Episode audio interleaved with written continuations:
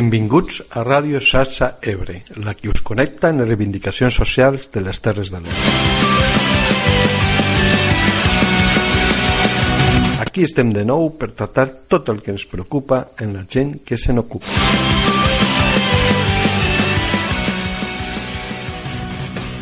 Bon dia a tothom, o bona tarda, o bona nit, depenent de l'hora a la que esteu escoltant aquest programa. Avui, com segurament sabreu, anem a tractar el tema del transport, però com el nostre objectiu és anar fer xarxa, connectant unes coses en altres, volem començar fent una referència al tema del programa anterior, la salut. En el temps que ha passat entre aquell programa i aquest, amb l'estiu de per mig, hem sabut que... Un grupo de investigadores de Canarias hemos publicado en el American Journal de Salud Pública, uno de los mejores periódicos científicos en su especialidad, un análisis de lo que ha ocurrido en España como consecuencia de la aplicación de políticas de austeridad durante la crisis económica. Y demostramos que entre 2011 y 2015 ha habido un exceso de mortalidad que supera las 100.000 personas. Solo en 2015 superaron las 40.000 personas muertas en fallecimientos contabilizados por el Instituto Nacional de Estadística. Esto no es atribuible a la crisis, sino a la aplicación de políticas de austeridad para tratar la crisis. El que heu sentit forma part del programa La Cafetera, de Ràdio Cable, del 16 de juliol.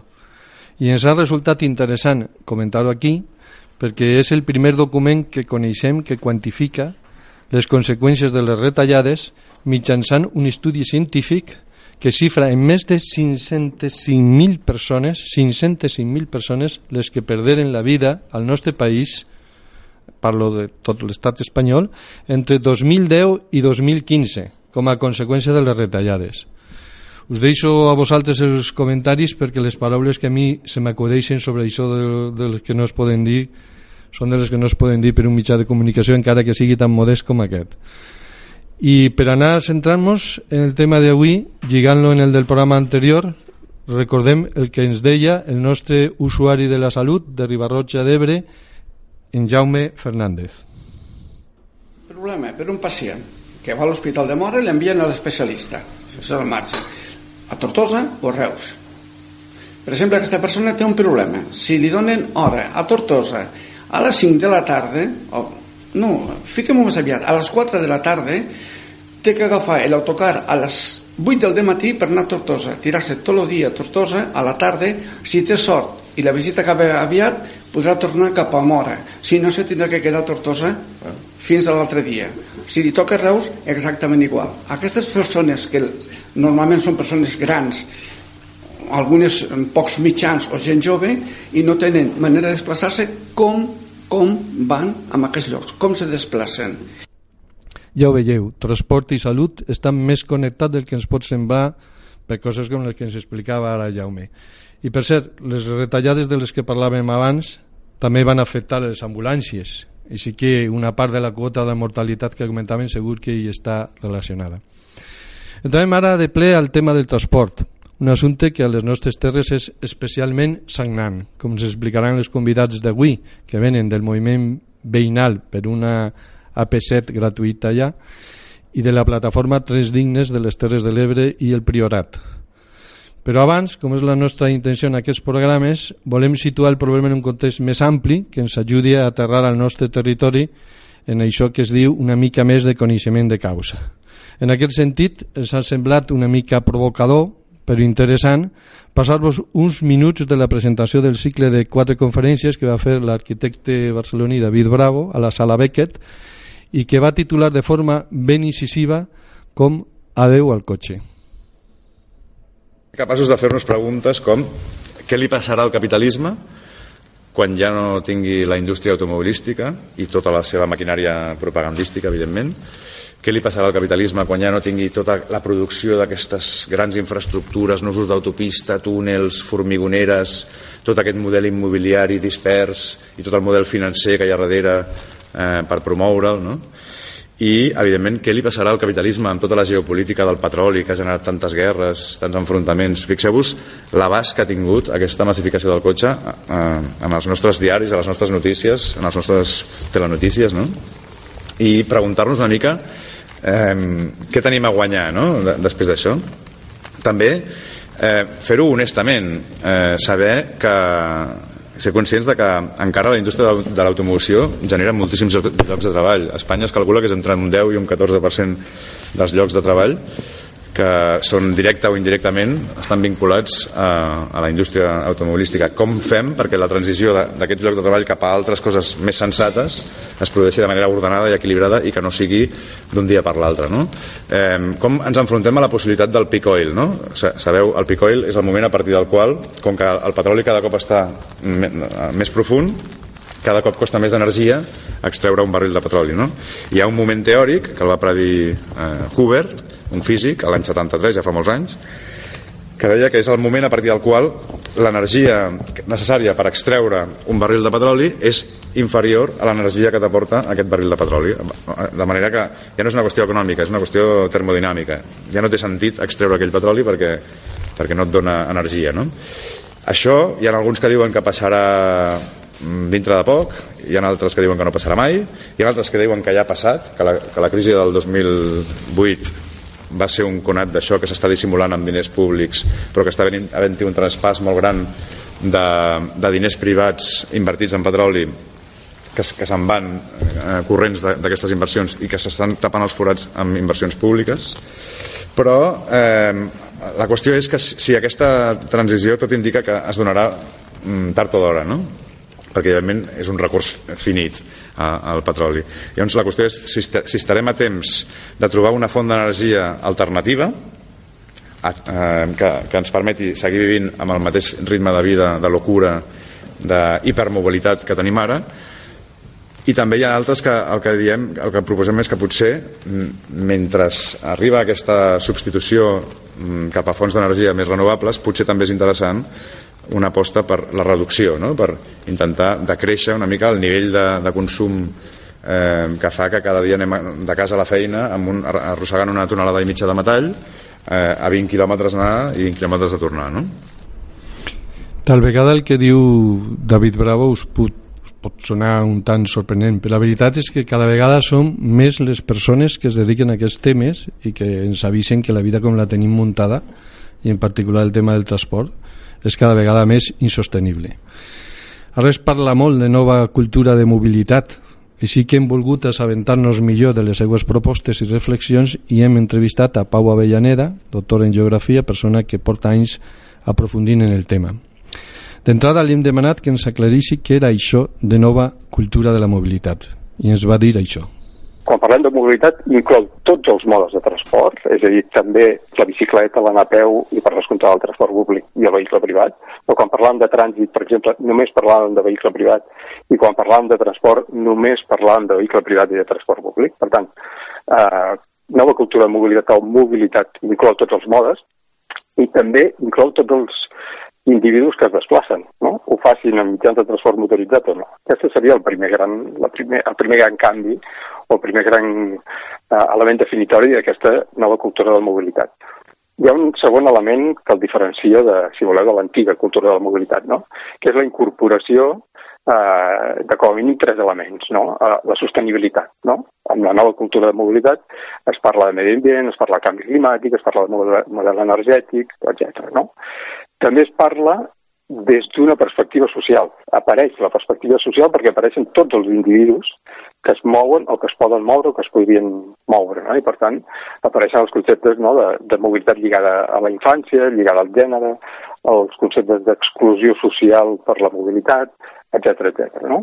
I més darrerament, en aquesta última dècada o l'últim quinquent, m'atreviria a dir, a casa nostra, apareix el, un altre vector important que és el de la salut no? Vinculem mobilitat a salut, a contaminació, però no només a contaminació, sinó també a sedentarisme, que porta, per exemple, obesitat, etc. no? Per tant, aquest seria el de sostenibilitat, perspectiva social i salut, el segon gran criteri no, que es defineix la nova cultura de la mobilitat. Un tercer element no? seria, i això és especialment a les àrees urbanes, el fet que aquesta nova cultura de la mobilitat comporta una inversió de les prioritats a l'espai públic, no? a l'àmbit urbà. No? Les ciutats s'adapten o s'han d'adaptar a, a, aquesta inversió de prioritats, que vol dir que si fins ara el cotxe era el que marcava, no? el, era el, el rei, diguem, no? del, de la mobilitat, és el que definia la resta del territori a partir de la mobilitat, mm, el cotxe passa a ser un element secundari o terciari i s'imposen altres eh, modes de mobilitat com és l'anar a peu, com és la bicicleta o com és el transport, el transport públic, no? com a tercer gran criteri. Em penso que ha quedat bastant clar en el que ens ha explicat Pau, del que per cert podeu sentir l'entrevista sencera en un enllaç que trobareu a la nostra pàgina. Ara bé, li vam voler preguntar també com es concretava això en una proposta que poguessin tenir com a referència.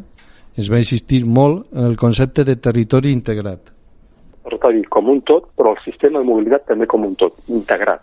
Va? Uh -huh. En primer lloc, aprofitar tot el que tenim i donar-li més bon servei. És a dir, si la, la xarxa de ferrocarrils eh, difícilment, la xarxa, estic parlant, difícilment la incrementarem. Sí? Uh -huh. Però sí que podem incrementar els serveis. Podem fer que el servei sigui molt més bo. Val? Allà on no arribi la xarxa de ferrocarrils que, que ara tenim, i potser si s'ha d'ampliar algun punt, s'ha de fer algun desviament, s'ha de fer alguna connexió, això òbviament s'ha de fer. Val? Però allà on no arribi aquesta infraestructura, podem pensar en d'altres infraestructures o xarxes o serveis, no? Per exemple, el transport públic rodat per carretera, no? Allà on no arribi el tren, arriba l'autobús. Val? Allà on no es pot implantar un autobús de 70 places, ni implantem un de 25, per exemple, no? I allà on ja no es fa ni tan sols viable un autobús de 25, hem de buscar algun altre sistema, no? Una connexió amb bicicleta, una connexió amb, amb vehicles compartits, no? Bé, donarem ara pas a un altre membre de l'equip del programa, Marc Martínez. No sense abans disculpar-nos perquè les nostres companyes no han pogut venir avui, així que, malgrat que ho procurem evitar en aquest programa, totes les veus seran d'homes. Què l'anem a fer? Doncs, Marc, com veus tu el que ens han explicat David i Pau? I estic bastant d'acord en, en tot el que han dit els dos, i potser encara hi afegiria una cosa nova al concepte de territori integrat que, de què ha parlat Pau Avellaneda. Ja estic d'acord que és aprofitar les infraestructures que tenim donant-nos més bon servei i complementades en altres noves infraestructures. I segurament encara hi podríem afegir crear serveis allà no hi estan per evitar desplaçaments penso que aquí també hi hauria un camp per a córrer en compte de fer moure la gent crear el servei. I quan això aterra a un territori com el nostre tan dispers potser també s'hauria de plantejar i això ja s'escapa no, no està només a les nostres mans dels qui vivim sinó a l'hora de planificar el país com lo tenim. Potser a escala territorial se tractaria de realment reequilibrar el país. Això de que tants anys s'ha parlat i mai s'ha fet que és que tenim un país en una mega capital i un territori despoblat. Doncs potser del que es tracta és de, de fer que això sigui real i, i veritat. Que la gent vi, visca realment distribuïda sobre el territori i també s'evitarien desplaçaments. Moltes gràcies Marc Bé, ara que ja tenim alguns elements per entrar de ple al nostre territori, saludem els nostres convidats, eh, Llorenç Navarro i Enric Lange del moviment AP7. Digue Lange? Sí, sí, perfectament, sí. sí. APC gratuït allà i Josep Casador de la plataforma Tres Dignes per les Terres de l'Ebre i el Priorat. Bon dia Llorenç, bon dia Enric, bon dia Josep. Bon dia. Bon dia, bon dia. Bon dia a totes i a tots. Molt bé, ara posem la sintonia de la sessió dedicada a l'Ebre i començarem de seguida.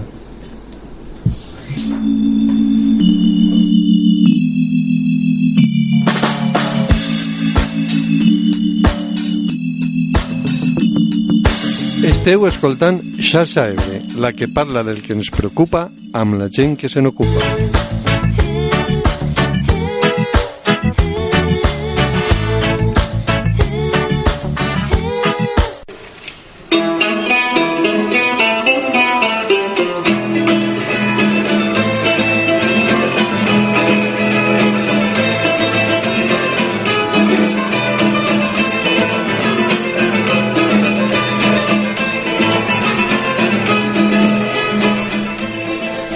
Bé, Enric i Llorenç, mm, vagi per davant el nostre suport i fins i tot la nostra admiració per la lluita que porteu durant tants mesos sense defallir en cap moment. Ens podríeu dir quin és l'estat actual de la vostra reivindicació? Perquè estan passant darrerament moltes coses. Us vau tancar la delegació de govern, perquè el nombre d'accidents a la Nacional 340 és un degoteig constant i les administracions eludeixen la seva responsabilitat ara acaben d'aprovar el pegat de les bonificacions eh, als transportistes de camions perquè circulen per la AP7 una autopista que demostra la codícia de gent com els gestors de la Caixa i en Florentino Pérez entre altres i que sembla inesgotable que està a l'autopista més que pagada i ells volen continuar traient rendiments sense importar-los els morts i els ferits. Què ens podeu explicar de com estan les coses a hores d'ara? Bueno, nosaltres estem molt contents de, de després de 3 anys que el moviment se sent respaldat per, per la gent i que nosaltres defensem que és la gent de, de carrer, la gent de peu, la gent que realment pateix totes aquestes mancances. Eh, el moviment està cada dia li tenim que explicar les novetats que van sortint el moviment és molt viu perquè han passat 3 anys però se n'han anat donant compte la gent de que possiblement les circumstàncies que ens han portat a sortir al carrer és que els nostres representants durant més de 40 anys i ja no fico, els 40 anys d'abans no han fet la seva feina. Per tant, si sortim al carrer és perquè els nostres representants eh, se justifiquen sempre en excuses, en promeses, però la realitat és la contínua mortalitat, la contínua inseguretat i la mancança real d'inversions a un territori que, com dia molt bé Marc, és necessari descentralitzar. I totes les inversions s'han estat fent per habitant i les inversions també es podrien comptar per quilòmetre quadrat. Pues ara estem a, justament avui estem a 479 dies per l'alliberament de la P7 sabeu que van, van començar en una concessió de, de 20 anys i els governs tant del Partit Socialista com del Partit Popular la van ampliar 20 anys més. O sigui que fa 40 anys que paguem per circular per una via ràpida. Nosaltres vam sortir a dir que això ja, ja n'hi havia prou que era suficient, que hasta aquí arribàvem i de fet esperem que el dia 31 de desembre de 2019 s'acabi la concessió i l'endemà poguéssim circular per una via ràpida, segura i gratuïta al territori. Però en això com estem parlant aquí de transport i mobilitat el que també ens fan falta les nostres poblacions són bons accessos per estar ben comunicats. I els accessos van lligats també al desenvolupament d'un territori que estem perdent població 1.300 més de 1.300 joves marxen de les nostres terres per possiblement no tindre sortides laborals i estem condenats a estem condenats a un territori que si no ens espavilem ens quedarem en la pell dels ossos. Nosaltres estem reclamant l'alliberament però també un tercer carril a una autopista per via vertebradora també del, del corredor mediterrani. També forma part esta via del corredor. I els accessos com més propers als, a les poblacions millor. Aquí tenim lo, la sortida de d'Uitecona Vinaròs possiblement en l'alliberament de la P7 l'entrada-sortida estigui més propera a Vinaròs però també el que estem demanant és accessos també més propers al Calà de Xivert més propers a, a Santa Bàrbara, a Godall, Masdenverge i així a tot el llarg del corredor del Mediterrani que, que ocupa la P7 i naturalment dir a la gent que vam sortir a la carretera a tallar la carretera perquè el que s'havia acordat el 16 de setembre del 2015 tots els nostres alcaldes representants de les, de, dels consells comarcals en lo Santi Vila va ser anar a Madrid a demanar que construïguessin 11 rotondes 66 quilòmetres línia doble contínua reducció de velocitat. Anaven a convertir una carretera la més important que creua el nostre territori en una carretera que deixava de ser nacional per a ser interurbana o què anem a dir entre urbanitzacions. Això és el més greu que a nosaltres vam veure. I quan vam sortir al carrer va ser perquè l'única solució per parar aquesta construcció de les rotondes era la llibertat, la gratuïtat de la AP7 que gratis no hi ha res. La paguem dels nostres impostos. El que passa és que nosaltres paguem molts d'impostos i nosaltres aquí mos ve molt poca inversió. Per lo tant, parar aquesta destrucció nosaltres la comparàvem com la mateixa lluita del riu. El riu mos portava la riquesa però no confondiguéssim les carreteres també són niu de riquesa. Una de les coses que demaneu a banda de la gratuïtat i de les sortides que heu comentat és eh, també l'ampliació d'un tercer carril, ho comentava ara Enric. Eh, que ara, a més, en els camions circulants sembla encara més necessari. Però ens agradaria que es donéssiu la vostra opinió sobre el que diuen estos experts que, que hem posat al principi del programa. Primer escoltarem David Bravo i després Pau Avelloneda i ens doneu la, la vostra opinió, per favor. Sobre les Tarragona tenim dues autopistes que, que van pràcticament en paral·lel, separades alguns centenars de metres, una és pública i l'altra és privada, però ens hauria de fer mal que haguem omplert el territori d'aquestes cintes tan amples penseu que una autopista tot i que l'escala, la, la velocitat no ens permet percebre l'escala, una autopista és més ampla que el passeig de Gràcia i comparada amb una línia de ferrocarril eh, consumeix moltíssima més energia per, en la seva construcció eh, depreda molta més quantitat de territori i ens hauria de fer eh, mal als ulls no? aquestes, aquesta set d'infraestructures és la que ens porta molts cops a, a entendre que els embussos només es resolen ampliant les infraestructures i això ens porta, com veurem després, a un, a un cercle viciós que, que no s'acaba mai no? el que hem de fer justament és tendir a reduir. Per exemple, l'ampliació d'una autopista mai soluciona aquest problema des del punt de vista ambiental. Potser el que podríem fer és substituir un carril de l'autopista sí? per la funció clàssica, té fins ara, per un carril busbao, que en diem, no? que són carrils d'alta ocupació. És a dir, aquells vehicles que hi vagin com a mínim dues, tres o quatre persones, sí? els que s'ha de definir, tindran un carril exclusiu per ells. I això el que fa és donar molta més capacitat a l'autopista. Clar, a canvi de l'esforç de les persones de no anar cadascú amb el seu cotxe, sinó de compartir cotxes amb altra gent. Val?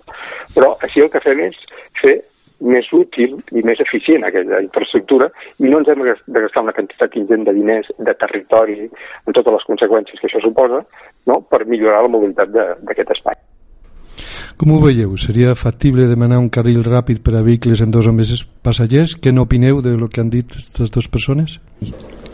Va. Això passaria si això tingués eh, ja tingués unes, unes, uns mínims però és que no arribem ni en estos mínims. El que ens ha passat és que es van prometre un desdoblament, quan dic desdoblament és la 340 los, la servidumbre que tenia ja estava destinada per a tindre un altre carril per banda. No es va fer per qüestions polítiques. Se'ls ho va prometre com lo cuento de la lechera que vos faríem una altra via que es dia la 7 una, una, una via que trinxava un territori, però políticament allò engalzava i quedava molt bé en tots. La promesa de no fer-se ni una cosa ni l'altra. Per lo tant, nosaltres el que demanem és tenir suficient espai a l'AP7 el que tenim que fer és un altre carril immediatament ja tenia que haver estat fet perquè ja no, no donaria resposta al que possiblement serà quan el transport que ara ja es comença a estar més operatiu en l'AP7 no podia per qüestions econòmiques però quan d'aquí 15 mesos serà gratuïta aquesta gratuïtat farà que molts de vehicles també vagin. Perquè a més si destrossen la 340 no hi ha altra via alternativa. O sigui, si nosaltres fan un carril especial per a serveis, per a urgències a nosaltres no mos sap mal. El que mos sap mal és que trinxiquen més territoris innecessàriament.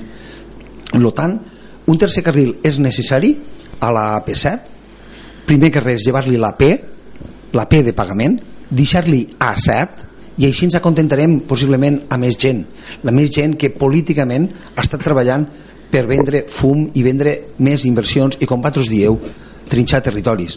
Però nosaltres no entrem ja en aquesta lluita sinó en les necessitats. Ara en aquests moments és urgent i necessari un tercer carril. I si se pogués tindre un carril addicional per a aquests serveis perfecte. Però alto, dintre de lo que ja té la, la mateixa autopista no agafa més sinó en el que té és suficient. Vosaltres penseu que té molts de metres al seu costat que els ho perteneixen. Aquella franja que hi facin però penseu una cosa, si no s'ha fet és perquè no han volgut perquè per la AP7 per allí passa la fibra òptica, passa el gas. Han passat tot el que han volgut menys a la millor estos carrils que ens fan falta. I voldries comentar alguna cosa del que han dit els nostres convidats, Marc? O, en, o Enric? Bueno, jo, jo, afegir. jo només dic que tots sabem que a Espanya ha sigut el rei del formigó aquí han triomfat les empreses les empreses han nascut aquí a Espanya i s'han expandit per tot el món ACS, Dragados, Bayers estan ells i possiblement s'han fet tan fortes i tan grans perquè en el seu dia van fer carreteres on llocs on no feia falta aeroports on possiblement no eren molt necessaris i de més però jo et vaig a dir que aquí on estem nosaltres som un corredor. Nosaltres tot el que s'exporta del, del sud d'Espanya inclús de, del continent africà que se'n va cap a Europa hi han dos vies. Bueno, tres, marítima, terrestre i aèrea l'aèrea és caríssima, inviable. I pues, la marítima ja sabem les dificultats que hi ha. O sigui que la que més se potència i a més és ràpida és del transport. Tota la, tot el producte que es fa de verdures al sud de Catalunya a perdona, al sud d'Espanya passa per l'autopista. Perquè com diu el nostre company ens estan destrossant a més una via que era gratuïta que era la 340 esta no interessa què passa. O sigui que tot passa per aquí. Dos carrils. Un lo tenim col·lapsat per camions.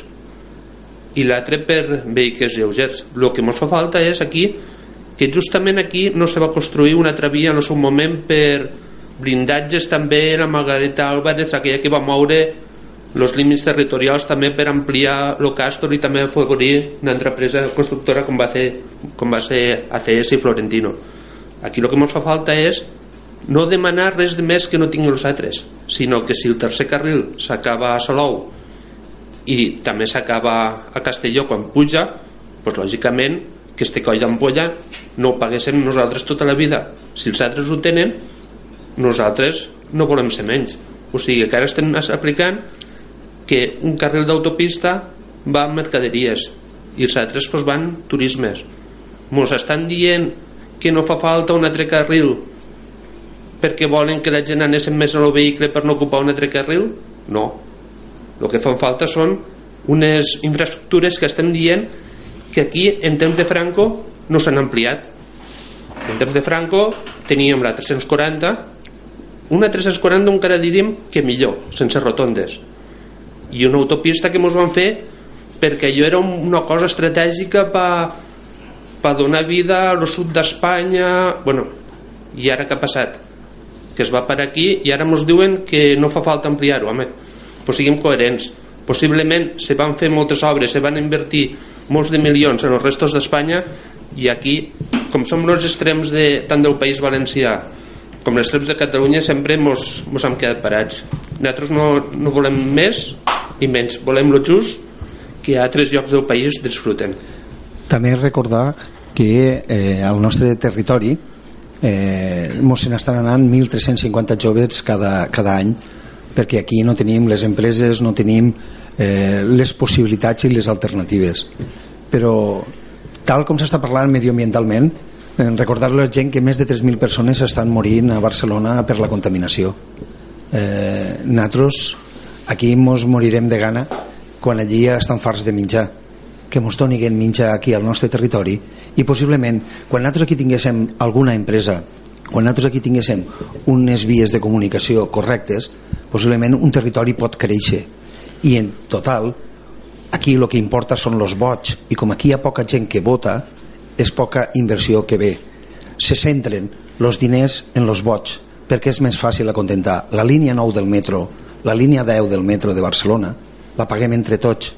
Però no vos equivoquéssiu les constructores són les que fan els calaixos. I els nostres gestors mos hipotequen de per vida per vies que realment possiblement no han estat fiscalitzades les seues inversions realment. Ningú ha gestionat ni, ha, ni supervisa aquelles xifres i en aquelles xifres només en les sobres nosaltres el nostre territori seria digne això és el que demanem que el mateix que hi ha a altres llocs també aquí però aquí sembla que els nostres polítics quan surten del nostre territori s'olviden d'on venen i treballen més possiblement pels partits que no per a les persones que els han votat. Molt bé, moltes gràcies Enric Llorenç. Passem ara a veure un altre aspecte de la discriminació territorial que patim, per ser un territori, com estàveu dient, poc poblat, bastant dispers. Josep, a la plataforma Trens Dignes, què esteu reivindicant?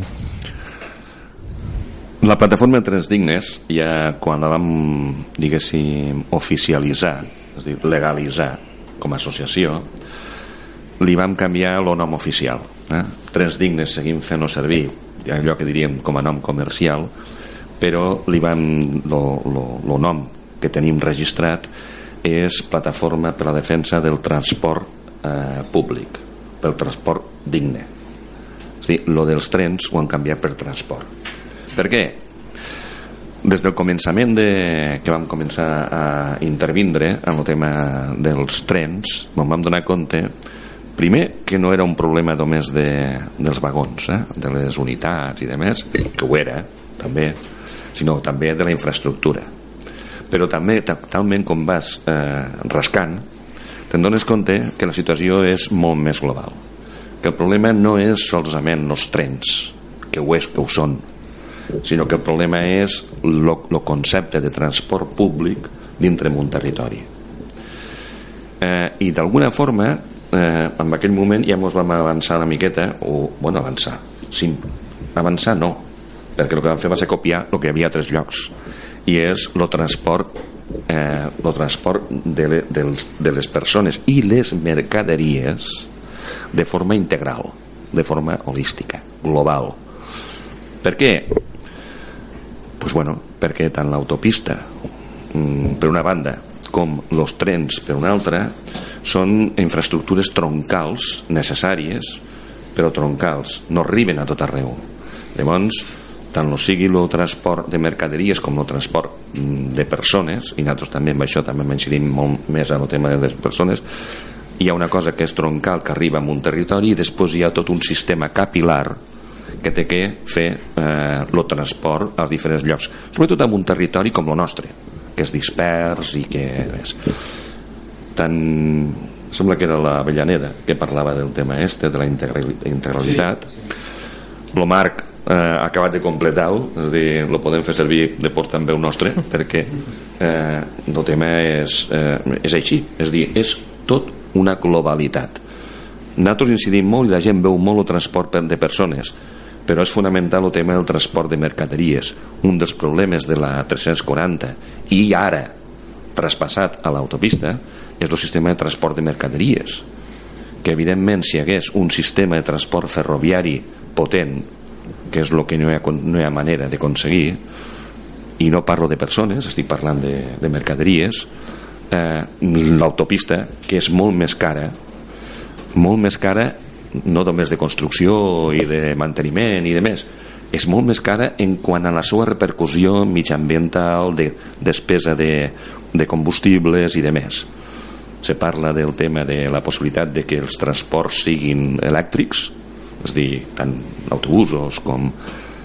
Però l'electricitat també surt d'algun lloc, eh? És a dir, se té que, se té que, constru... se té que fabricar l'electricitat, eh? i el tema de l'energia alternativa l'alternativa diguéssim renovable no, ni, després del paron que va fer l'anterior govern encara que algú pugui tirar endavant ara pensem, penseu que les grans empreses que estaven instal·lades a Espanya instal·lades a Espanya s'estan fotent el camp. Hi ha un lío amb Vestas allà de la Vall de l'Odit Vestas és una de les multinacionals més grans de construcció d'aerogeneradors. I allí en construïen. I estan tancant, tancant les portes. Serà molt difícil per tant tenim que veure-ho de forma global. Nosaltres estem al territori. I què diem fonamentalment? Hem reclamat la integralitat l'anàlisi integral del transport al territori. Transport en general també caminant i també en bicicleta. També tot el transport. I per què existeix aquest transport? Tenim referències. Tot i que no hi ha manera i que hi ha gent, hi ha gent que evidentment no es va aprovar però sí que es va fer hi ha el pla director de mobilitat de les Terres de l'Ebre. Se va fer un pla que va costar no sé si 200 o 250.000 euros i el van enterrar com tants plans dintre en un calaixó i allí es contempla tot. Se contempla l'autopista, se contempla el transport tots els transports seguint els criteris estos d'integralitat. Per altra banda tenim la llei de mobilitat de Catalunya del 2003 que parla d'un desenvolupament del transport integral. I, transport, i este desenvolupament són les famoses famoses en alguns llocs, aquí no de les autoritats territorials de mobilitat i que este pla que es va fer però que no es va aprovar va quedar parat se feia amb la idea de que tenia que haver aquí i així estava programat una autoritat territorial de la mobilitat com la que hi ha a Tarragona, com la que hi ha a Girona i com la que hi ha a Lleida la de Barcelona és un altre món evidentment eh? i què fan aquestes autoritats? Analitzen íntegrament, integralment tot el transport. De tal forma que arriben al punt com tenen ja fa anys de lo que és les, eh, los bitllets eh, integrats. Integrats vol dir que integren també Renfe eh? mitjançant convenis. És a dir, han conveniat amb Renfe i fan un bitllet que serveix per tot el seu àmbit en un moment determinat. Arribem a les Terres de l'Ebre i quan reclamem el que diu la llei mos engeguen a dida és dir, aquí no pot ser que tinguéssim el mateix. Aquí, la, perquè clar, l'autoritat territorial de mobilitat planifica i fa molt difícil una vegada planificat de forma tècnica fa molt difícil la, eh, la decisió unilateral d'algun polític que digui m'interessa més això que no pas allò altre. Aquesta discrecionalitat que, que, que, que, que volen alguns eh, algunes autoritats polítiques del territori s'elimina precisament el tema este. Què fan?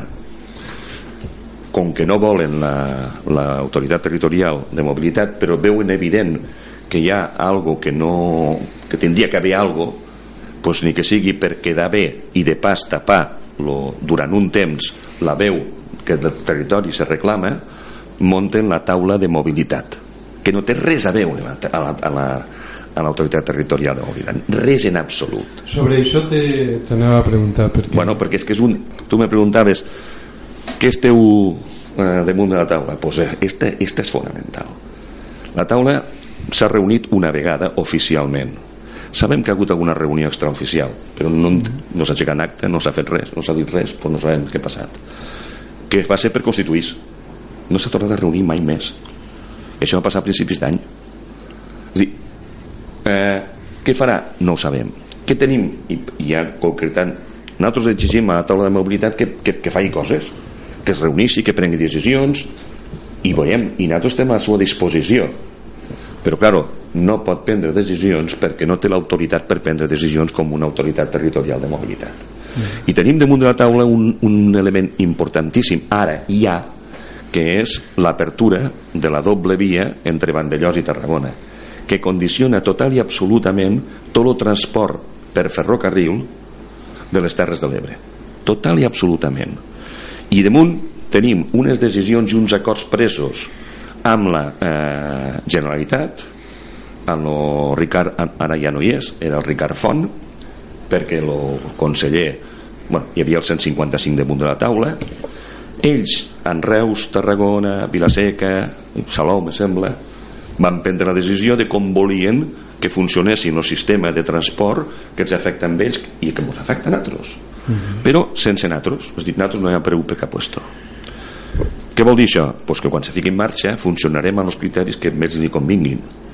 I a, quan la gent de, a la gent del Camp de Tarragona. Del Camp de Tarragona, no a nosaltres en absolut. I quan hem dit que això no podia ser que es tenia que intervindre algú que no hi va en nom de la taula que hi va pel seu compte que és l'alcaldessa de Tortosa se'n va parlar amb el Ricard Font i quan torna diu que quina meravella que li ha contat Ricard Font. I Ricard Font el que li ha contat és el que han acordat allà. Res més. I això implicarà per una banda si no es fa res pèrdua de freqüències pèrdua de parades a les estacions i pèrdua de part de la infraestructura que en aquest moment hi ha que la volen desmantelar sí o sí abans de fer qualsevol altra alternativa. I això mm, està damunt de la taula i ningú farà. Això és, mos és molt urgent. No és només això hem parlat de la resta de transport però això és el més urgent perquè eh, passarà ja. Està a punt de passar estan a punt d'obrir què pensa, perdona, perdona Josep. Front a això vosaltres què proposeu que faci la ciutadania? Que, que... No, nosaltres eh, acabem de passar l'estiu. Vulguis o no vulguis vam fer una sèrie de declaracions abans i ara reprendrem el curs per dir una forma no? tenim pendents reunions i tenim pendents mobilitzacions. Però primer que tot volem eh, fer intentar parlar amb els diferents eh, actors que marquen el territori entre ells la taula de mobilitat també amb el que és la Generalitat en quant al seu àmbit a lo nou eh, conseller i el nou director de mobilitat.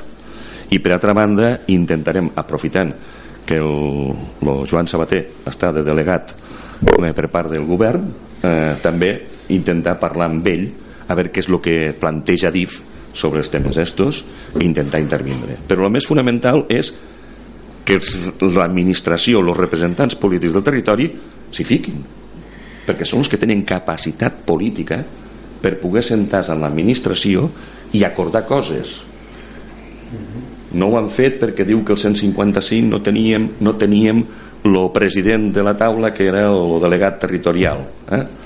Eh, a part de que el tenim a part de que el tenim els que van prendre aquests acords no hi havia conseller eh? En absolut. També estava suspès. Moltes gràcies hi ha alguna cosa més però que ja parlem després. Sí, sí. Tenint en compte ara el que heu explicat els dos moviments socials del territori més actius, eh, la demanda de la millora de la mobilitat aquí, voldríem precisament ara encetar un debat obert de tots a veure si podem lligar unes coses en altres i traiem algunes conclusions. Uh, però primer escoltarem una cançó ben canyera eh, del grup valencià Sou. Tenim una cova de lladres a cada ciutat, molt d'aprofitat per metre quadrat. Una costa traïda, un desig de fugida, amb un tren cap al nord que no arriba. Camps abandonats, qui vol llaurar podent ser ric, guiris reballats, passa la vida. Cada primavera s'emociona algun lletra ferit, quan pega un esclafit la vall florida. Tantes voltes torxen tantes dates, L'arbre mai no havia estat madur, sabíem que seria dur, ni nom, ni mapa, ni futur, amors que maten, cacem les rates i tombem els murs. Vam sobreviure a l'incendi, vam fer-li front al gegant, vam suportar eixes bombes que encara ressonen per serres i baix. Vam defugir eixes normes, vam profanar els seus sants, vam agafar aquell quadre i ballarem el ball, el ball del cap per avall.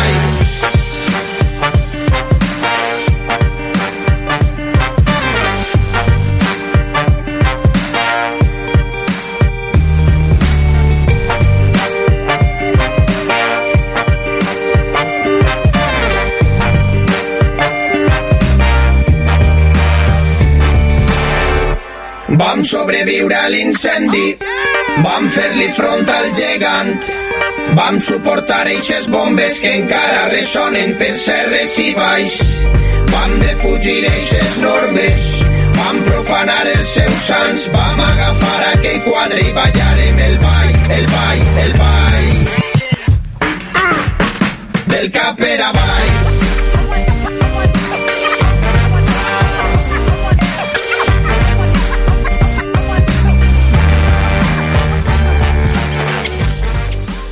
Bé, Marc, tu com penses que podrien lligar aquestes dues reivindicacions? Després d'escoltar els representants de les dues plataformes, la idea que ja tenia, jo no participo en cap plataforma de transport, però visc aquí i sóc usuari, la idea que tenia, que ara diré, encara se m'ha reforçat, que és que vivim en un territori en què decisions polítiques preses a centenars de quilòmetres en el millor dels casos. En el vistiplau de altres administracions locals mos han convertit no és que ho siguéssim, és que mos hi han convertit en un territori mm, on tot passa per damunt del cap. Diríem sembla que mos han destinat a ser un territori per a passar on tot passa de llarg. Diríem hi passen les grans infraestructures que no serveixen per a, per als, no fan servei a la gent que vivim aquí.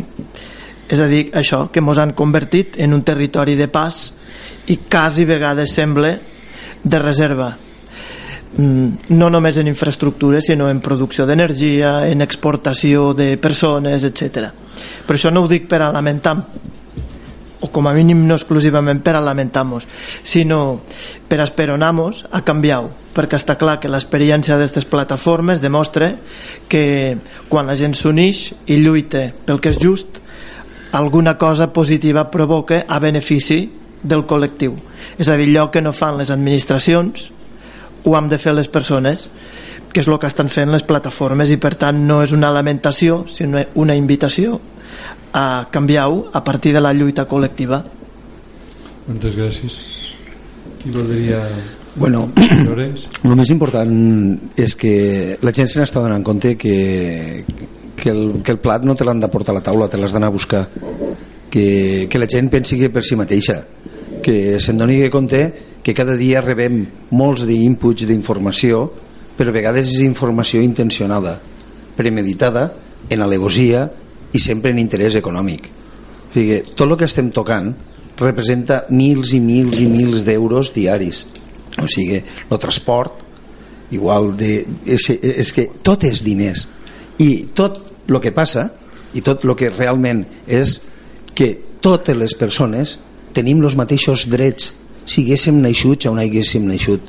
Per això el que tenim que fer és reclamar-los i exigir-los. Però com aquella cançó qui no plora no mama i si la gent no s'aixeca la gent no se revela contra aquesta passivitat social que hi ha generalitzada perquè la gent s'ha arribat a conformar. La gent s'ha arribat a agafar i dir què farem si no podrem canviar res? Però clar, aquesta persona prefereix veure Sálvame Deluxe. O prefereix a la millor mm, saber que la persona més important de la seva vida a la millor és la Belén Esteban. Eh, i això és el que ens arriba a comportar-nos com una societat que traga molt. I com el món polític pensa que ja li pots tirar que la societat traga doncs no es cansen de tirar-nos però tirar-nos negativament. Ens estan humillant. Ens estan fent sentir-nos culpables de quasi tot. Ens fan responsables de que no són uns bons gestors i de que no ens representen a nosaltres sinó representen a les empreses que cotitzen a bolsa les empreses que se quedaran tots els manteniments i és el gran negoci. El gran negoci ara ja no és només construir sinó és mantindre.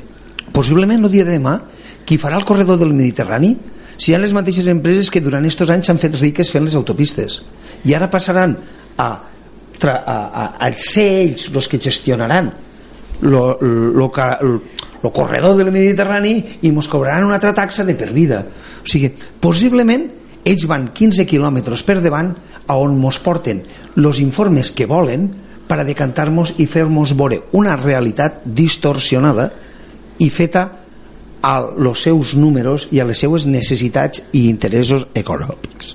I el nostre món polític, nosaltres els ho diem que això és com un guió que s'ha escrit i cada un és un actor.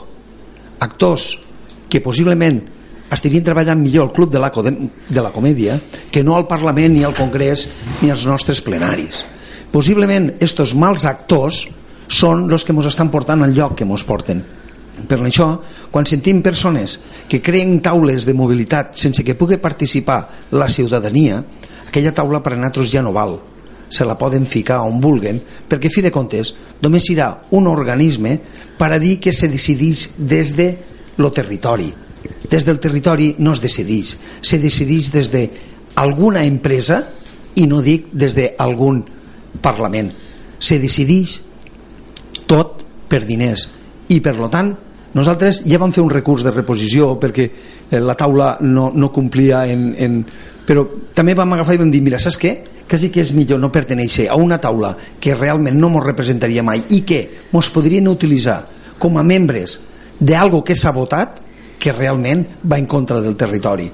Per tant, el mm, moviment vam desistir de voler formar part d'una taula que és eh, una merienda de negros i nosaltres no volem ser ni volem estar a la mateixa taula que aquestes persones mos estan venent Vale. Bueno, jo crec que els negres no fan aquestes coses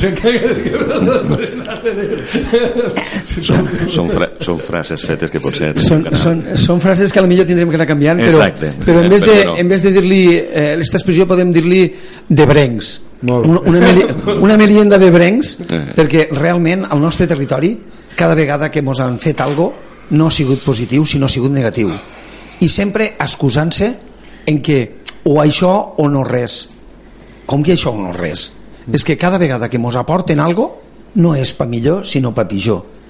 I possiblement des d'una carretera un, carrer d'este territori i a la millor dit en molta simpatia s'estan decidint i s'està afonant a un territori que no vol que creixi un territori, com dia el nostre company que té moltíssimes possibilitats però siguem com la cantera d'algun equip que no la utilitzen i al final sempre van fitxant fora. I és això el que ens està passant. Tenim un territori amb tantíssimes possibilitats que al final el que l'acaben és destruint. Josep? Sí, anem a veure. El tema de la participació. Bueno, la, la taula de mobilitat eh, per desgràcia no prendrà ni siquiera les decisions que li dongui la gana. És dir, no en prendrà cap salvo les instruccions que rebi de Barcelona. Aquesta és la posició, és la situació que en aquest moment tenim. Eh, nosaltres vam entendre que quan algú va anar a Barcelona a, a, que li expliquessin què és el que passava al camp de Tarragona va anar a, a rebre instruccions. I què és el que tenia que explicar al territori posteriorment també este, sabem que va haver alguna reunió informal de la taula de mobilitat. Dic informal perquè no va haver cap tipus d'informació però deduïm que d'alguna forma se van donar les instruccions que s'havien rebut de què és el que es tenia que dir aquí al territori i què és el que no es tenia que fer més que què és el que es tenia que fer perquè no han fet res vale?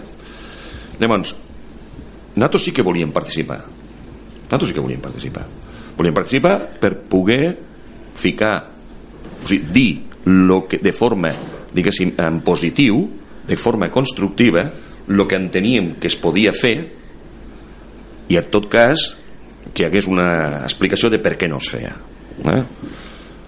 és una forma d'afrontar a la, a la, a la, l'escola i ficar en evidència algo que volguent fer el mateix que per exemple té el camp de Tarragona o que té la, lo, la, la zona de Lleida o la zona de Girona aquí no es fa en absolut. Lo, quan parlem de transport és integral. I aquí també entra el tema de l'autopista i l'autovia i la 340 no, no desapareix res. És importantíssim que tot això estigui integrat aquesta és la raó per la qual nosaltres donem suport també com a, com a transports dignes diguéssim comercialment eh? transports dignes que, que mos, entén, mos, mos coneix tothom a la lluita de la, de la plataforma en defensa de la gratuïtat de l'AP7 per què? perquè entenem que és la via ràpida, natural que necessitem a nivell de territori però a la vegada necessitem també al final que desaparegui una part important del transport de mercaderies i això l'única manera és el ferrocarril però el ferrocarril entès com a realment corredor. És inimaginable un corredor del Mediterrani del volumen que pot arribar a transportar en dos línies en dos carrils que en fi eh, que té que passar tot. Realment el que tindria que haver són dos, quatre, quatre línies. Dos per a, per a transport de mercaderies i dos per a, per a passatgers.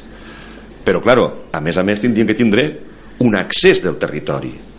I així com a l'autovia o l'autopista o a les vies ràpides hi ha l'accés lògic de carretera que entra o que surt aquí necessitem unes estacions centrals. Unes estacions centrals intermodals on s'ajuntin tots els transports. I aquí el lloc ideal, inicial i més important del territori és l'estació de l'Aldea per això nosaltres quan parlem de l'Aldea parlem de l'estació central de les Terres de l'Ebre però no només de ferrocarril és el lloc on se pot ajuntar l'accés a l'autopista l'accés a les carreteres nacionals la, los, lo, un aparcament en condicions per a per als vehicles privats los autobusos, una central d'autobusos, i quan diem és tot en conjunt. És el lloc ideal, és el lloc ideal. I si això us tires endavant, lligaria tot lo de més. Lligaria tot el que és transport per carretera, transport per ferrocarril, transport per autopista, tot. Per tant, este és l'altre eh, element fonamental que en aquest moment tenim damunt la taula. No, això no és únicament que plantegéssim això ho he parlat al principi la integralitat la, la integralitat de lo que és el transport en tots els sentits a les Terres de l'Ebre molt bé Enric? Vosaltres, vosaltres bon recordeu com vam entrar a la Comunitat Econòmica Europea que un dels eslògans que es va fer van dir no podem perdre el tren d'Europa se va dir, se va, bueno tots hem d'agarrar el tren, hem d'agarrar el tren. Pues, estem en un, una zona un territori que el tren l'estem perdent dia a dia, setmana a setmana i any i any. Tu comentaves Josep el corredor mediterrani fa, fa anys vaig mirar, vaig mirar per on el corredor mediterrani com estava els pressupostos de més i hi ha una sèrie de, de parades d'estacions. I justament n'hi ha una a Castelló n'hi ha una a Tarragona i a Terres de l'Ebre el corredor mediterrani si passa no para. I, i vaig agarrar i com hi ha una pàgina que es diu Queremos el corredor del Mediterrani o Bim Bam que si vols des, un dia mires intentes averiguar qui està detrás d'esta pàgina dic, dic escolta i a Terres de l'Ebre no hi ha cap parada? Bueno, per preguntar no és cap mal. I diu, me va ficar diu que vosaltres teniu que importar o exportar algo, carregar o descarregar algo tren? Vaig quedar una cara de còstic és que, és que a veure això, no, sí, això però, és darrere de la pàgina esta està Ferromet correcte, per això Fer, dia i Ferromet no, no, però... no, no ho coneixem clar, perquè mm, al final tens que te fots un far de buscar per tot arreu la informació inclús hem assistit a, a jornades que ha muntat Ferromet a Tarragona per parlar del tema del corredor i d'altres coses, eh? també s'ha parlat de la R15 sí. ho han parlat ells és dir, no és que nosaltres, nosaltres hem d'allà escoltar eh? no han participat per això insistia jo el tema de mercaderies. A veure, és fonamental. No hi haurà una línia de, de, de ferrocarril en condicions si no pot portar eh, mercaderies. Però, però... I, i Ferromet és un lobby de transportistes de... però mira, en això que estàs comentant tu recorda que lo Montsià jo me'n recordo aquí la parada d'Ull de Cona el tren, aquí que el tenim al costat lo important que va ser en el seu temps. Però que va passar? Que la línia, la línia R16 la que teòricament a Barcelona diuen la línia sud no arriba al sud. Fa cap a Tortosa. L'important seria que els trens que baixen de Barcelona passessin una mica més de llarg i poguessin arribar al Maestrat. I els que venen de València passar una mica més i arribar fins al Baixebre ja passa i agarrar, això, ja, sí, sí, però moltes vegades mira, no jo tots, vaig dir una no cosa tots, jo soc Europa. usuari, era usuari del tren i jo pujava aquí a Ulldecona a buscar el tren Sí. tenia molts d'amics que en fin de setmana se n'anaven a estudiar a Barcelona carregava el cotxe i pujava aquí però què passa? que a poc a poc les línies de tren, les parades de tren aquí ho saben tots, han anat baixant i moltes vegades ara quan vols anar en tren el que mires és l'estació de l'Aldea i deixes arraconada esta estació d'aquí de d'Uidecona i el que fa és que quan miren les estadístiques ells miren els viatges. I arribarà un punt que diran ostres, l'estació d'Uidecona hi ha poc volumen de passatgers i poquet a poquet van agarrant i van baixant el flux de parades. Sí, sí, sí. i en el seu moment vosaltres vos recordeu que la, la línia passava per dins de l'interior de, del Montsià. Sí. parava a Santa Bàrbara. Allí va haver a la guerra a, a, a la guerra civil allí estava el punt de distribució de gasolina per tot el territori. La portaven de, de, de Tarragona i allí la camsa que dien. Mira com hem anat que han llevat hasta la línia. I estes pobles, estes pobles de l'interior al no tindre línia han perdut una oportunitat bestial. I el que faran, lo que faran és que esta, esta política de deixar estacions en menys en menys parades de tren territoris en agarrar i deixar-los que utilitzen menys el tren. El que faran és que diran escolteu, possiblement en este lloc no fa falta el tren. I el tren el que farà és que tindrà unes X parades a certs llocs i altres no. Nosaltres per exemple alguna vegada familiars meus han fet servir l'AVE aquí no passa lògicament. Tens que anar a Tarragona. Però quina casualitat que si tu vols anar a agarrar l'AVE no pots anar en lo, en lo borreguero que diem, en lo tren. Perquè te deixa a l'altra part de Tarragona. Això significa que tu vas d'aquí bueno, te desplaces ja d'una població a l'altra per buscar el tren arribes a Tarragona, agarra un taxi i vés-te'n allà. És incompatible tot el que fan. Però si te fixes quan han fet estacions d'AVE a Girona o a Barcelona això no ha passat l'estació de Girona està dins de Girona la de Lleida i la de Lleida. però quina casualitat a Tarragona van i me la fiquen a l'altra part això els tens que preguntar a l'Ajuntament de Tarragona i al de Reus bueno, però saps el que passa? molta saps el que passa? que jo moltes vegades familiar meu, en vez d'anar a l'estació de, de Tarragona ja no anem no anem per avall claro. i poquet a poquet el que estem fent és que el territori que tindria que créixer estem fent no, nosaltres per les per el nostre desenvolupament que tenim ens han ficat unes infraestructures tan dolentes que no les estem fent servir. I d'això s'aprofiten ells. S'aprofiten per llevar-nos trens tant de mercaderies com de passatgers igual fan en les carreteres vull dir que ja ho sabeu que tot va lligat de la mateixa manera i el que diu Llorenç tot va lligat a grans empreses que possiblement aquestes empreses controlen a certs poders polítics i qui la paguen sempre són els llocs on menys habitants hi ha i per desgràcia som natros penso que hauríem de tindre la força social col·lectiva necessària per poder condicionar decisions mm, per poder condicionar les decisions de qui les ha de prendre respecte als transports públics perquè no es pot aplicar eh, i menys a Terres de l'Ebre ni a molts altres territoris de Catalunya no es poden aplicar. No es poden prendre decisions basades en criteris economicistes sinó que han de ser socials. Si les decisions continuen sent economicistes doncs cada vegada més estacions tancades. I és que al final tancarem comarques senceres. La meua, la que jo he vist que és la Terra Alta està al punt de posar un cartell que poso RIP. Si ets cristià i si no és igual tancat per defunció per tant, si les decisions se continuen prenent en criteris economicistes no me'n sortirem mai. Hauríem de tindre la força social necessària per condicionar aquestes decisions i que s'acabessin prenent i que qui, a qui li correspon les acabés prenent per criteris socials, de servei públic, en definitiva. Aquesta és la qüestió, me sembla de la idea que em faig del que estic sentint. I em sembla que les plataformes i associacions veïnals o qualsevol col·lectivitat de persones, esta serà la faena que haurem de fer. O ho fem nosaltres o no ho farà ningú. Penso que està bastament demostrat que no ho farà ningú més si no som capaços de condicionar aquestes decisions. Bueno, jo realment sóc el president de la Federació d'Amposta d'Associacions de Veïns i nosaltres el que vam voler, vam estudiar i vam intentar era dinamitzar el territori unint-lo.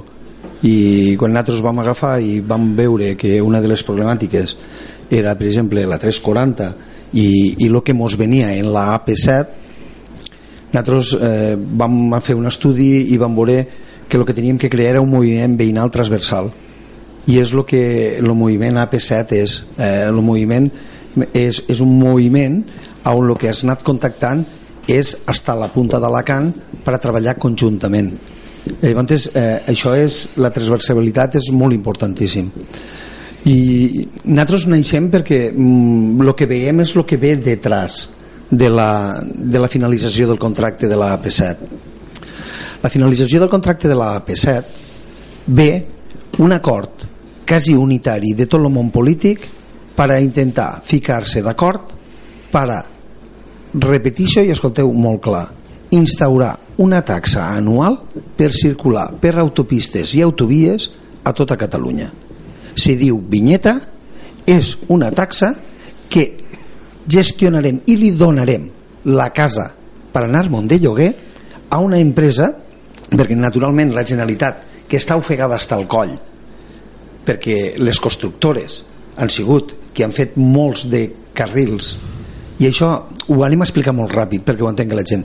A Catalunya tenim 400 quilòmetres d'autopista de l'estat espanyol que finalitzen la majoria al 2022 uns, com la nostra, acaba al 2020 ja deixen de ser de pagament. Surten dels nostres impostos. D'estos 400 quilòmetres passaran a que ho paguéssim en els impostos de tots com nosaltres han pagat la A3 o han pagat totes les vies del país Catalunya gestiona 350, eh, perdona, 550 quilòmetres d'autopistes catalanes entre elles 350 d'estes són peatges a la sombra què vol dir això? Vol dir que tu passes per allí, hi ha un sensor i te capta i nosaltres a final d'any paguem entre tots. Esteu sumant i esteu veient números, no? Més de 600 quilòmetres d'autovies a tota Catalunya. Totes aquestes inversions i a Terres de l'Ebre, que per a fer-la de punta a punta necessites més d'una hora i quart, quasi hora i mitja, en cotxe, ja no diem en tren, perquè és impossible, estem parlant ojalà, ojalà. estem parlant estem parlant que a les nostres terres d'autovia d'autovia tenim 15 quilòmetres com a 5 Tortosa Aldea i un trosset des de la sortida de la AP7 Amposta hasta que agafes la Nacional 2 quilòmetres. Estem parlant de 17 quilòmetres i mig que té Terres de l'Ebre. I aquí a més van i diuen destrossem les nacionals perquè la gent sí o sí tindrà que anar per l'autopista. Una autopista que ens ficaran una pegatina o velo teletac i pagarem una taxa anual. I les empreses que hasta ara han fet els diners ne faran molts més perquè el que ens estan preparant és una taxa que anirà muntant anualment en la justificació dels manteniments i de les noves obres. Esta després posterior tercer carril se farà o a la millor la A7 paral·lela també se farà però sortirà de la nostra butxaca que anirem augmentant un preu irrisori inicial fent-nos creure que això se trau per contaminar menys però realment s'està fent per buidar-nos les nostres butxaques. Un territori que els sous són molt baixos possibilitat de trobar feina molt dura i per lo tant acabarem en un ostracisme. Què és el que es pretén?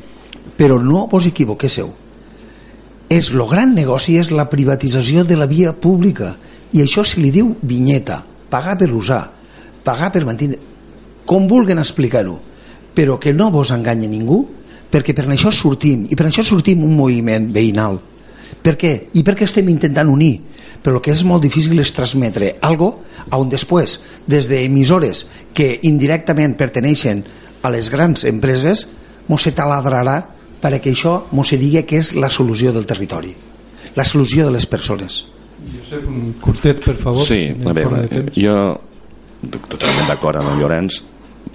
Jo voldria donar suport a el que diu el Marc eh?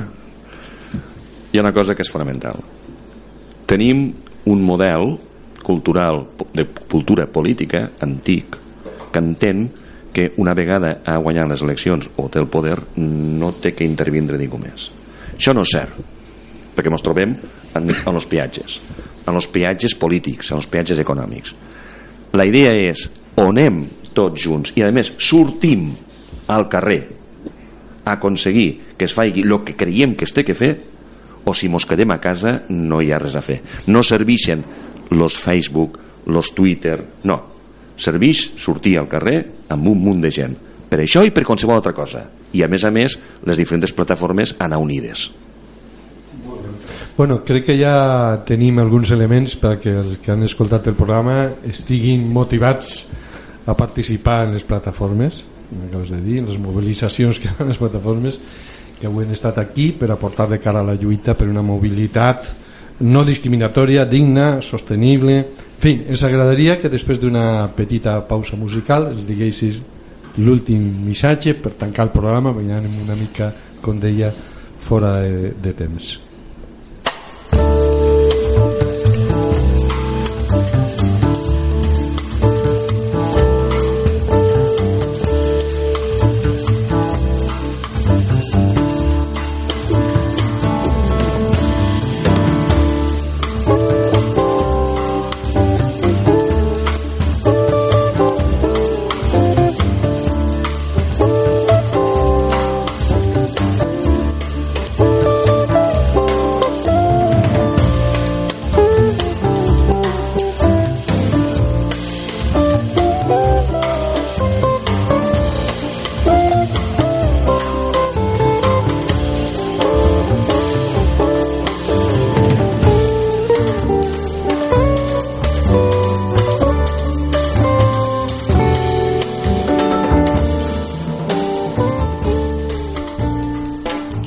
Molt bé, pues el minut final. Comencem per Josep.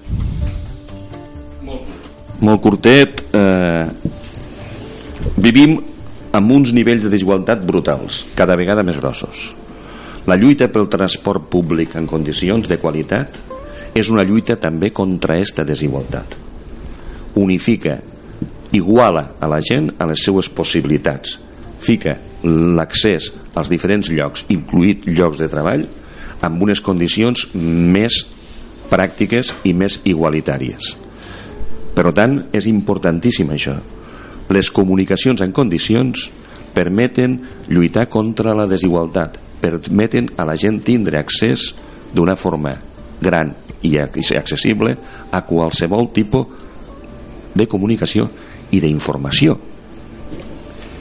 Enric? Bueno, pues, ja que estem les dues plataformes aquí, nosaltres som els encarregats de, de moure la societat, nosaltres fem, sortim al carrer, d'una manera o altra anem movent la gent, us estem explicant la problemàtica que tinc tant en trens com en carreteres i autopistes i demés i sortim i fem que la gent se mobilitze. Però ojo, detrás d'aquí té que haver los que ens tindrien que representar a nosaltres que també se moguessin no fa falta que vinguin els talls no fa falta que vinguin les concentracions a la via però que quan vagin demostren el que són i demostren que ens defensen a la societat ebrenca Llorenç? Eh, jo bueno, voldria felicitar el programa, el programa ha sigut molt entretingut i felicitar-vos perquè també ens hem sentit com a casa. Dir-vos que, que nosaltres en si el que volem és castigar una miqueta el món polític perquè, perquè realment estan utilitzant la demagogia per a ficar-se les medalles, campanyes electorals, promeses, tot el que nosaltres podem demanar ells també ho han demanat i se ficaran la medalla de que ells l'han fet. No hi ha cap medalla. Només hi ha creus. Creus de persones que han mort a la carretera gent de persones que s'han quedat per a poder anar al metge perquè no tenia la disponibilitat o, o la comunicació per anar-hi.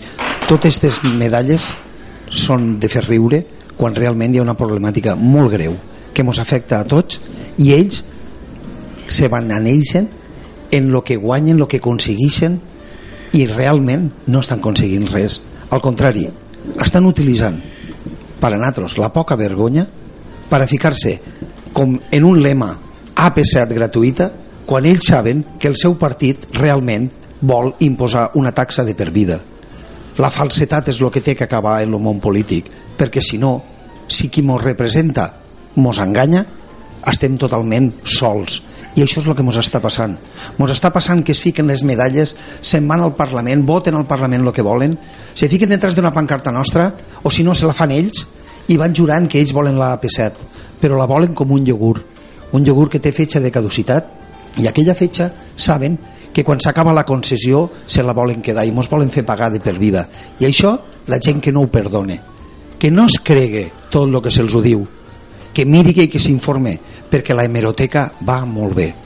Només dir-vos a la gent que vos activéssiu i sobretot vatros traeu el vostre juís sempre. Marc? Uh, jo voldria dir que i més després d'haver escoltat totes les intervencions dels meus companys que està clar que som un territori Terres de l'Ebre i el nord del País Valencià al marge però no perquè siguéssim així sinó perquè mos hi han deixat al marge i penso que el repte el tenim en col·lectivament construir este territori. Quan dic territori vull dir comunitat, perquè no només no funciona el transport, és que no funciona res. El que ens han destrossat és el nostre sistema de vida, el nostre sistema econòmic, els nostres llaços socials. En definitiva, el que tenim és un territori desfet socialment i per tant el repte està en construir em sembla que l'haurem de construir en altres associant-nos. Si això ho passem al transport està clar que, mm, que hem, de, hem de construir un, un model de transport públic en termes interns de cohesionar aquest territori i també en com ens comuniquem externament transport dins del territori i transport per lligar el territori en la resta del país. I per acabar me quedo en la idea que, de que parlava el Pau Avellaneda de que el que hem de construir és un territori integrat en termes de transports però que en definitiva és en termes socials. Això que deia el Josep d'oportunitats de, de vida bueno, Josep i tots ho hem dit no? de un territori integrat on la gent no només se vulgui quedar sinó que hi vulgui vindre a viure perquè s'hi viu bé però en definitiva el que defensem és que hi volem viure millor. Molt bé. Eh, en aquest programa hem sentit la veu de set persones parlant sobre transport però volem escoltar les opinions de més gent i per això us convoquem al xat que fem al grup de xarxa Ebre el divendres, este divendres 14 de setembre a les 21.30 l'únic que heu de fer si no heu participat abans és en buscar per Facebook xarxa Ebre Group i allí cliqueu on posa afegir-me. I a partir d'aquest moment ja sabeu divendres 14 a les 21.30 eh, esteu convidades i convidats a participar i continuar aquest debat. Eh, queda només acomiadar-me agraint la valuosa presència aquí a l'estudi tant de Josep Casador de la plataforma Tres Dines de Terres de l'Ebre i el Priorat aunque m'has dit que el nom oficial és per el transport públic sí. s'ha aclarit això. De les Terres de l'Ebre i del Priorat. I del Priorat, molt bé. I a eh, Enric Lange i Llorenç Navarro del moviment veïnal PRO a P7 gratuïta ja de la part també de Marc Martínez del nostre equip, del nostre tècnic Juan Carlos Fibla i de mi mateix us agraïm moltíssim la participació de mi, Vicent Prinyosa no he dit el nom però bueno és... ja... fins la propera. Gràcies. Moltes gràcies. Gràcies a tots i a Vinga, gràcies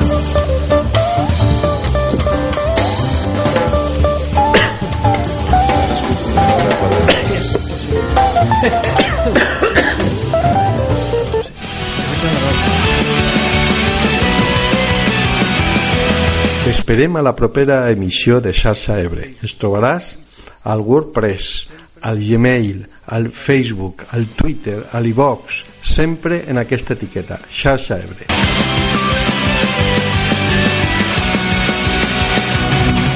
No oblides subscriure't.